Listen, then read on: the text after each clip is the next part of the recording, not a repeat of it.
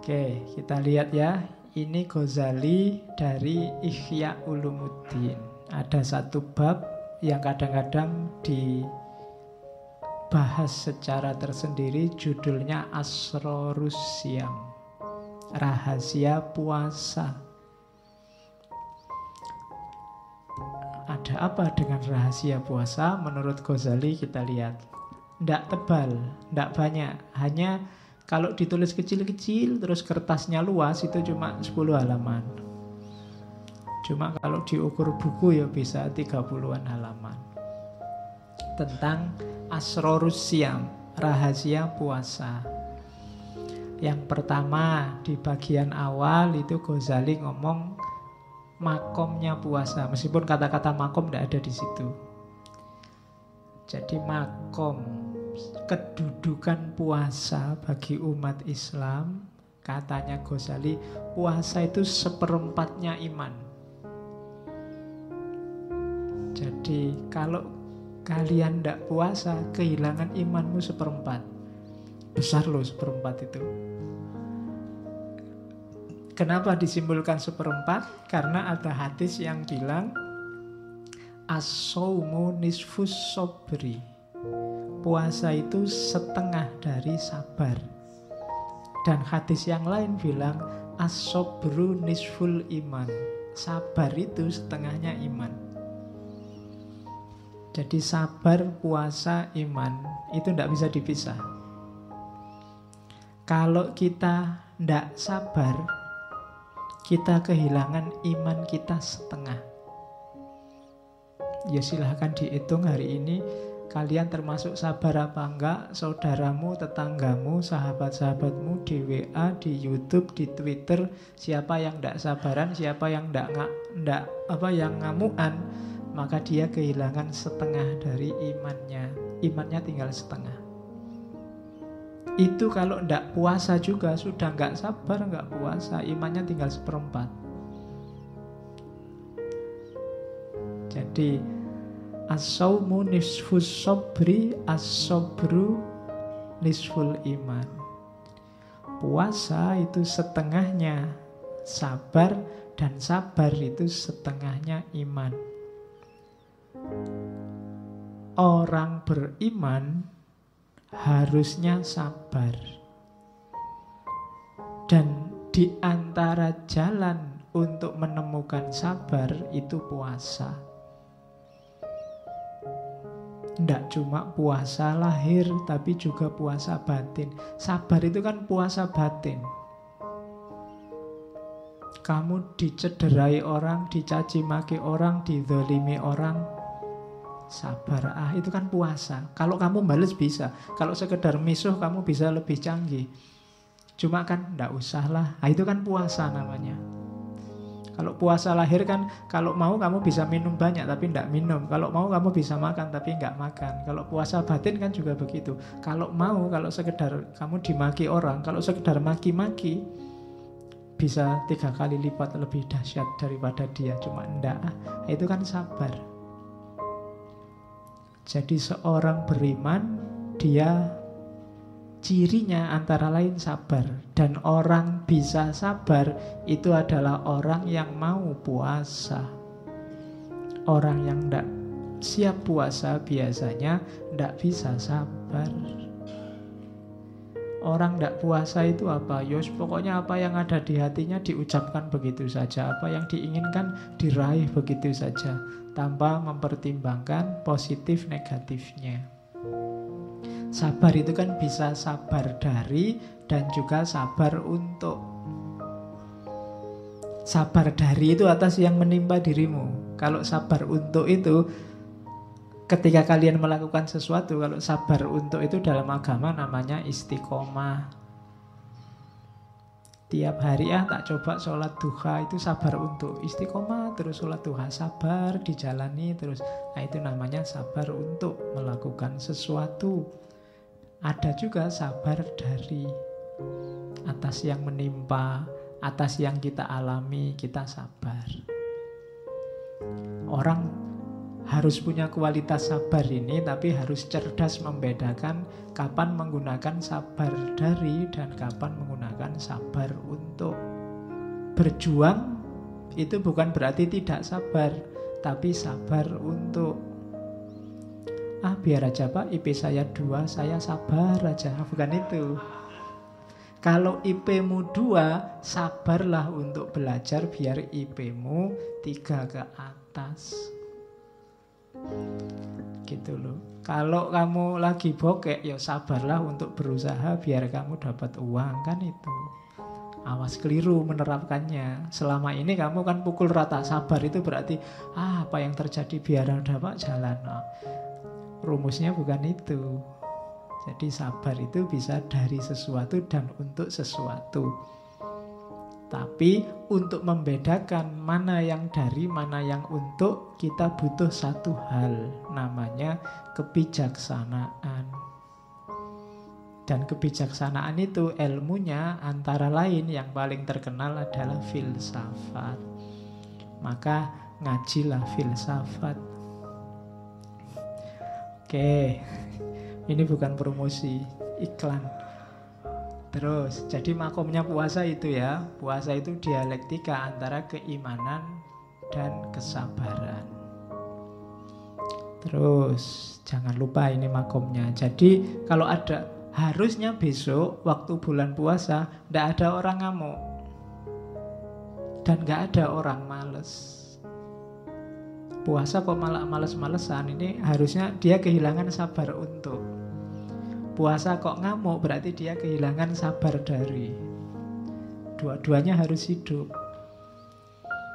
Kalau puasa kan kadang-kadang di kantor-kantor, di kampus jam kerjanya malah dikurangi. Ya karena puasa, ya ndak apa-apa, asal produktivitasnya tidak menurun. Ya tetap bagus, dikurangi ndak apa-apa. Terus, jadi makomnya itu ya, dialektika antara sabar dan iman dan puasa. Jangan lupa kuncinya di situ nanti. Yang kedua, terus Ghazali membahas kenapa sih puasa itu dianggap istimewa? Katanya Ghazali, ibaratnya puasa dibandingkan ibadah yang lain itu kayak tanah haram, Masjidil Haram dengan masjid-masjid yang lain. Katanya Ghazali, Ka'bah itu kan dianggap rumah Allah, tanah haram itu kan dianggap tanah kehormatannya Allah, miliknya Allah. Padahal semua masjid, semua tempat itu kan juga miliknya Allah. Semua ibadah untuk Allah, tapi yang istimewa itu puasa. Sama seperti semua tanah, semua bumi itu milik Allah. Tapi yang disebut khusus sebagai rumah Allah, rumah milik Allah itu hanya Ka'bah dan Masjidil Haram. Bandingannya itu. Alasannya apa? Yang pertama, puasa itu satu-satunya ibadah yang verifikasi pastinya itu hanya yang melakukan. Gak ada orang lain tahu boleh ikut buka bersama, ikut sahur bersama, tapi tidak puasa kan bisa. Tidak ada orang ngerti. Kayak kamu dulu kecil itu loh. Puasa, ya masih puasa, masih. Tapi nanti kalau ke kamar mandi, air satu ciduk. Ya kan? Atau pura-pura alasannya lupa. Wah lupa tadi minum. Lupa kok diulangi. Kan sering dulu kita waktu kecil begitu. Yang tidak ngalami kan nggak lihat kamu makan apa enggak kan nggak kelihatan. Jadi satu-satunya ibadah yang hanya kamu dan Allah yang tahu. Itu yang bikin puasa istimewa. Ibadah yang sifatnya subjektif. Orang tidak bisa menilai. Mulutmu kering, bau nafasmu tidak enak, itu kan tidak jaminan kamu puasa. Wong kamu tidak puasa aja sudah tidak enak. Itu juga bisa trik. Ya kan, kamu makan pete juga baunya ndak enak. Mulut kering kalau kamu pas sariawan juga mulutmu kering. Ndak bisa. Pagi sampai siang ndak makan apa-apa, ndak akan ada orang tahu. Kecuali dirimu sendiri. Katanya puasa tapi warung-warung penuh misalnya. Itu kan terus lu itu jadi meskipun di warung ada tutupnya tapi kan kakinya kelihatan. Oh, kakinya masih banyak. Nanti pulang ke rumah puasa, puasa. Tapi sebenarnya enggak. Jadi hanya kita yang tahu. Itu yang bikin puasa istimewa. Kalau sholat kan orang bisa lihat. Kalau sodako orang bisa ngerti, bisa ngitung. Haji apalagi. Sebelum berangkat aja orang sak kecamatan diundang. Mesti ngerti. Tapi kalau puasa enggak. Kamu deklarasi, saya niat puasa di masjid. Besok enggak puasa, enggak ada orang tahu. Itu istimewanya puasa. Jadi hanya yang bersangkutan dan Allah yang ngerti. Nah itu puasa. Makanya dia istimewa. Yang kedua, katanya Ghazali, puasa adalah ibadah yang terang-terangan nantang setan. Terang-terangan menyisihkan nafsu, kedunia, keduniaan. Hasrat-hasrat jasmaniah yang dangkal. Yang terang-terangan begitu puasa. Kemarin kalau sholat kan implisit semua. Sholat itu tanha anil fasya wal mungkar. Batinnya implisit, tidak kelihatan. Kemudian apalagi kemarin haji itu kan banyak sekali makna tapi tidak kelihatan orang harus mendalami dulu tapi begitu puasa langsung kelihatan bahwa ini melawan hawa nafsu nafsu makan nafsu minum nafsu seksual. Dilawan semua. Itu kan ibadah yang terang-terangan melawan nafsu itu puasa. Makanya ada hadis Nabi wahai anak-anak muda yang sudah mampu nikahlah. Manistato amin kumul ba'ah zawaj nikahlah. Jangan jomblo terus. Nggak ada untungnya. Dan nggak ada enaknya. Terus ya wa in lam yastati kalau kamu nggak mampu puasa. Jadi kalau nggak mampu puasalah fa'alaihi bisaum meskipun kalau dulu zaman saya di SMA sering dipelesetkan. Fa'alaihi bisobun nggak mampu ganti sabun. Bukan itu. Dengan puasa bukan dengan sabun? Cuma puasa yang beneran ya nanti ada ada cirinya puasa yang beneran menurut Ghazali kalau cuma puasa menahan lapar dan haus itu masih belum bisa jadi benteng untuk yang belum mampu kawin karena kalau hanya puasa lahiriah susah jadi benteng. Kadang-kadang puasa nafsumu tambah besar. Karena ya puasa sih iya, tapi internetannya terus, buka HP terus, kadang-kadang ngomongin saru-saru, kadang lihat gambar apa, lihat video apa. Videonya video ceramah, cuma karena yang ceramah bunyai, pikiranmu ke mana-mana. Wah, bunyai itu. Bisa begitu kan? Jadi puasa yang benar nanti diajari oleh Ghazali karena puasa adalah ibadah yang secara terang-terangan nantang setan setan dalam dirimu sendiri khususnya. Hawa nafsu. Setannya yang asli katanya dibelenggu cuma kan setan itu kan tidak berdaya kalau nggak kompatibel sama dimensi rohanimu. Cuma selama ini kamu tidak pernah mikir kompatibilitas itu. Jadi setan selalu cocok sama dirimu. Waktu puasa setan tidak cocok. Jadi analoginya maka dibelenggu. Dibelenggu itu bukan kok terus malaikat datang setannya dirantai. Terus kamu di mana ya kira-kira dibelenggunya bukan itu. Tapi setan otomatis terbelenggu kenapa? Harusnya jiwanya orang puasa itu tidak nyambung sama situasi setan dan kesetanan. Cuma hati-hati kalau habis maghrib nafsumu kumat lagi, kesetanan lagi, ya kompatibel lagi, setan bisa masuk. Jadi kalau waktu siang, oh ah kita puasa, nanti aja habis maghrib misalnya gitu. Nanti ditawari pacarnya, mas jalan-jalan lu, jangan sekarang, sekarang puasa. Nanti habis maghrib kita ke mall bareng, ayo podo Habis maghrib kompatibel lagi dirimu sama setannya, nyambung lagi. Jadi diinget-inget itu state-nya puasa, wilayahnya orang puasa. Jadi melenyapkan dimensi setan dalam dirimu. Saya lupa ada baca riwayat dulu, saya lupa di kitab apa ya, katanya zaman Nabi itu puasa itu hampir 22 jam. 22 jam itu berarti sahur, terus buka waktu maghrib sampai isya, setelah isya puasa lagi. Terus ada kasus Umar. Umar itu malam-malam berhubungan sama istrinya. Sehingga turun ayat bahwa ya kalau malamnya Ramadan itu ndak apa-apa berhubungan sama istri. Terus dipahami, oh berarti makan juga boleh, ndak harus sampai isya. Pemahamannya seperti itu. Saya lupa ada di kitab apa. Cuma ya itu karena 22 jam mungkin lebih terjaga. Cuma mungkin Allah sayang sama kita terus ndak lah ndak apa-apa kalau malam pingin makan-makan sepuasnya juga ndak apa-apa. Cuma hati-hati yang tadi sudah dikondisikan sejak pagi jangan dilepaskan lagi. Kalau ndak ya hasilnya balas dendam tadi. Kadang-kadang puasa itu kan keuangannya lebih banyak keluarnya dibandingkan bulan biasa.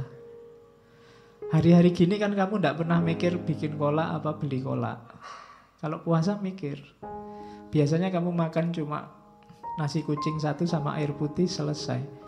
Begitu puasa kamu mulai mikir takjilnya pakai apa, minumnya apa, kemudian makan utamanya apa, cemilannya habis sisa apa. Itu sama aja balas dendam. Jadi kamu merasa paginya disiksa dan malamnya bebas. Padahal itu kebalik, justru paginya itu kamu bebas dari hawa nafsu. Maka manfaatkan malamnya ketika kondisimu sedang bersih untuk yang baik-baik. Oke, terus ini banyak dalil cuma saya comoti, saya copy paste. Ya silahkan kamu baca ini sudah sudah banyak disebut orang. Inas syaitona layat jri min ibni adama majrodam fadoyiku majarihi bilju Sesungguhnya setan itu berjalan dalam diri anak cucu Adam lewat jalan darah. Fadoyiku majarihi maka sempitkanlah jalannya setan itu dengan kamu lapar. Yo paling ndak secara lahiriah rasional itu. Kalau kamu lapar kan kamu nggak mikir neko-neko yang kamu pikir makanan dok begitu kamu kenyang baru mikir aneh-aneh. Itu paling gampang logikanya itu. Jadi sempitkan jalannya. Sempitkan kan bukan berarti hilangkan masih ada setan bisa masuk. Cuma sekarang sempit karena kamu cuma mikir makanan. Ketika kamu sedang lapar ngatasinya kan gampang kalau cuma makanan kalau makan kan nggak neko-neko lah, tapi kalau mikir yang lain itu kadang-kadang bahaya.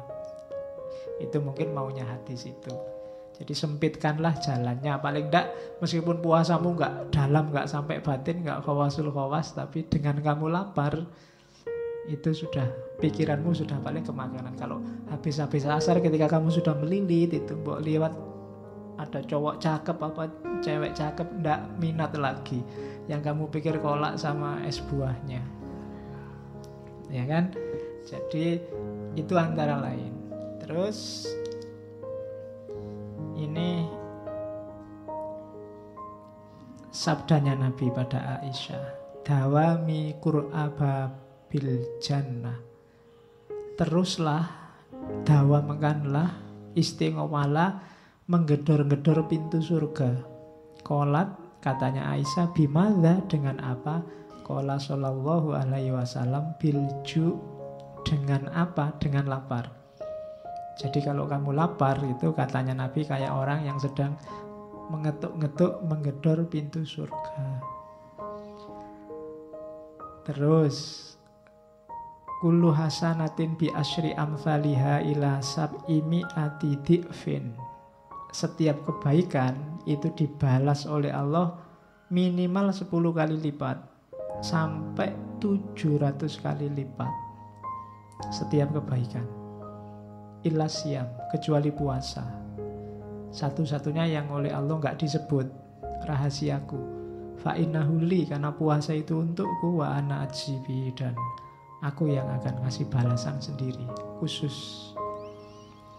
Dan hadis di bawahnya juga semacam kelanjutannya meskipun hadis yang berbeda. Innallaha ta'ala yubahi malaikatahu bisyabi al-abidi. Jadi Allah ini membanggakan anak-anak muda yang gemar ibadah, khususnya yang puasa. Kalau yang tua biasa lah orang tua kan lebih gampang kalau mau tirakat, kalau mau puasa. Ini yang dibanggakan oleh Allah yang muda-muda. Fayakulu maka Allah berfirman pada para malaikat, Ayyuhasyab at-tariku syahwatahu li ajli anak-anak muda yang meninggalkan syahwatnya demi aku al-mubdhilu syababahuli yang memperjuangkan apa yang menggantikan kemudaannya. Untukku karena masih muda biasanya masih mau senang-senang tapi lebih milik Allah daripada senang-senang. Anta indi kabakti malaikati. Jadi engkau anak muda bagiku engkau kayak malaikat-malaikatku. Nah itu pujiannya Allah bagi anak-anak muda. Saya tidak tahu yang hadir malam ini masih muda apa sudah tua. Wajahnya si tua jiwanya apalagi. Terus kita lihat itu hadis-hadisnya. Ini hadis paling terkenal. Liso imi farhatani farhatun inda iftorihi wa farhatun inda liqa'i rabbi. Orang puasa akan ketemu dengan dua kebahagiaan. Yang pertama kebahagiaan waktu buka puasa dengan kebahagiaan waktu ketemu Allah ini seakan-akan mau bilang orang yang puasa pasti besok akan ketemu Allah dan dirindukan oleh Allah. Dan kesenangan yang satu waktu dia buka puasa. Jadi sebenarnya buka puasa itu biasa cuma makan. Karena ada puasanya dia jadi luar biasa. Hidup kadang-kadang butuh ini. Butuh puasa dulu kamu belajar itu kan jenis puasa. Yang lain seneng-seneng kamu belajar. Tapi yang lain tidak akan nemu buka puasa kayak yang kamu belajar tadi. Belajar menemukan buka puasa namanya pinter. Nilainya tinggi. Itu tidak ditemui yang tidak ikut puasa. Jadi ini rumus. Puasa itu kan bukan berarti kalian tidak mampu. Bisa, cuma kalian tahan. Kalau boleh, kalau mau kalian bisa beli HP paling mewah, baju paling bagus, tapi ndak ah, buat apa? Ini puasa. Nanti akan ada buka puasanya pasti. Jadi farhatun inda iftorihi. Terapkan ini, jadikan rumus. Kenapa orang Jawa nyuruh sering-sering tirakat? Tirakat itu meninggalkan yang nikmat-nikmat yang enak-enak. Karena akan ada buka puasanya besok. Orang yang berjuang, orang yang mati-matian, orang yang itu kan nanti ada buka puasanya dibandingkan yang santai-santai. Mereka tidak akan nemu buka puasa. Sama-sama makan waktu maghrib, nikmatnya beda antara yang puasa dan yang tidak puasa. Maka jadikan di antara rumus hidup kita adalah puasa. Ngaji kalian tiap malam kemis ikut ngaji filsafat itu kan juga jenisnya puasa. Yang lain jalan-jalan di luar, nongkrong di mall, ngafe sama pacarnya, kalian milih di sini wong nggak punya pacar. Duh itu juga tirakat. Jadi kalau ada yang tanya, kok sampai umur sekian kok masih jomblo, Mas, Mbak? Enggak, ini tirakat kok. Kalau mau, oh, gitu. Kalau saya mau, siapa ndak suka sama saya? Cuma saya tirakat aja biar nanti buka puasa. Oke. Terus kan itu itu juga sejenis puasa loh. Kamu saya tidak mau pacaran pak. Itu juga puasa. Besok kalau dapat nikmatnya berkali lipat. Iftorihi. Tapi yang sejak SMP sudah pacar-pacaran yang yangan pacaran itu biasa tidak ada rasanya. Yang dialami sama cuma rasanya jauh berbeda. Itu buka puasa Makanya jangan sering-sering pacaran. Cukup sekali. Lama terus putus. Kamu kan biasanya itu sekali dan lama sekali. tapi terus putus. Akhirnya kan pacarannya sama siapa, nikahnya sama siapa. Oke. Kalau ditanya jawabnya santai, bukan jodoh Pak. Padahal itu nangis-nangis sudah.